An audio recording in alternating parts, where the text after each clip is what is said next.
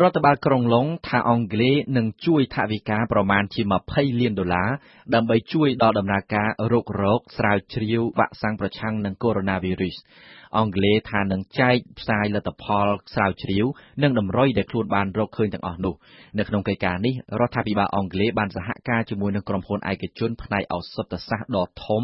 គឺមានឈ្មោះថា GSK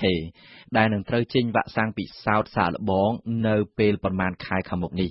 លោក Richard Hatche នាយកចាត់ចែងធំម្នាក់នៅក្នុងគម្រោងអង់គ្លេសនេះបានបញ្ជាក់ថាគេត្រូវការពេលយ៉ាងហោច16ខែដែរតែហេតុអ្វីបានជាត្រូវការស៊ីពេលយ៉ាងច្រើនដូចនេះគេត្រូវការពេលយូរនិងច្រើនគឺដោយសារតែការស្រាវជ្រាវមិនមែនចេះតែជប់បានដោយវត្ថុទិព្វនោះទេបើតាមអ្នកជំនាញដំបូងគេត្រូវសិក្សាស្រាវជ្រាវប្រមូលទិន្នន័យវិភាគផ្ទៀងផ្ទាត់ដោយផ្អែកទៅលើមេរោគស្រដៀងស្រដៀងគ្នាដែលធ្លាប់បានកើតមានពីមុនមកដូចជាពិសោធន៍ទៅលើជំងឺ MERS-CoV ដែលធ្លាប់បានផ្ទុះដំបូងនៅអារ៉ាប៊ីសាអូឌីតកាលពីឆ្នាំ2012និងសិក្សាទៅលើមេរោគផ្ដាសាយជាច្រើនប្រភេទផ្សេងទៀតដើម្បីធ្វើកិច្ចការងារទាំងអស់នេះបានគេត្រូវការបច្ចេកវិទ្យានិងធ្វើតេស្តសាកល្បងជាច្រើនដងពលគឺត្រូវការពេលវេលាយ៉ាងហោច3ខែដើម្បីធ្វើតេស្តសាកល្បងសម្រាប់ជំហានទី1បន្ទាប់មកគេត្រូវការពេលវេលាប្រមាណជា3ខែបន្ថែមទៀតដើម្បីប្រមូលទិន្នន័យបន្ថែមឲ្យបានកាន់តែច្បាស់មុននឹងចាប់ផ្ដើមជំហានដំណាក់កាលទី2ហើយដំណាក់កាលទី3គេនឹងសាកល្បងពិសោធន៍វ៉ាក់សាំងទៅលើមនុស្សអ្នកឆ្លងជំហាននីមួយៗគឺត្រូវការនីតិវិធីច្រើននិងស្មុគស្មាញហើយរឿងខ្លះចាំបាច់ត្រូវមានការអនុញ្ញាតពីអាជ្ញាធររដ្ឋអំណាចទៀតផងទើបអាចធ្វើទៅបានហេតុនេះហើយទើបត្រូវការស៊ីពេលយូរនិងច្រើន នេះបើតាមការអះអាងរបស់អ្នកស្រាវជ្រាវអាមេរិក លោក Anthony Fauci នាយកវិទ្យាស្ថានស្រាវជ្រាវជំងឺឆ្លងនៅសហរដ្ឋអាមេរិក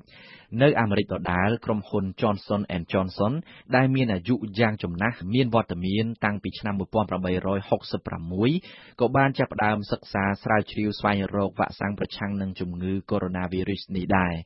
ក្រុមអ្នកវិទ្យាសាស្ត្ររបស់អាមេរិកបានផ្ដើមសិក្សាតម្រុយ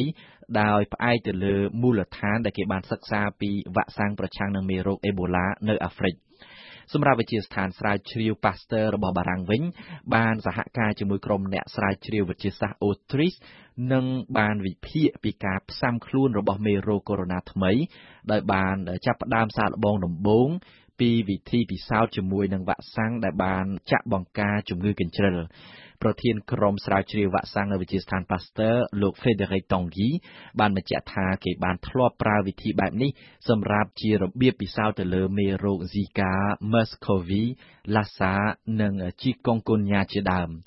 បើផ្លូវនេះដំណើរការទៅបាន គេអាចនឹងត្រូវការពេលវេលាប្រហែលជា3សប្តាហ៍សម្រាប់ផលិតវ៉ាក់សាំងសាកល្បងមុននឹងយកទៅចាក់សាកល្បងមើលលើសត្វកណ្ដុរ ហើយបើលទ្ធផលសាកល្បងមើលទៅឃើញថាវិជ្ជមាននោះគេនឹងត្រូវការពេលវេលាយ៉ាងហោច24ខែដើម្បីផលិតវ៉ាក់សាំងថ្មីដែលមានប្រសិទ្ធភាពបានល្អ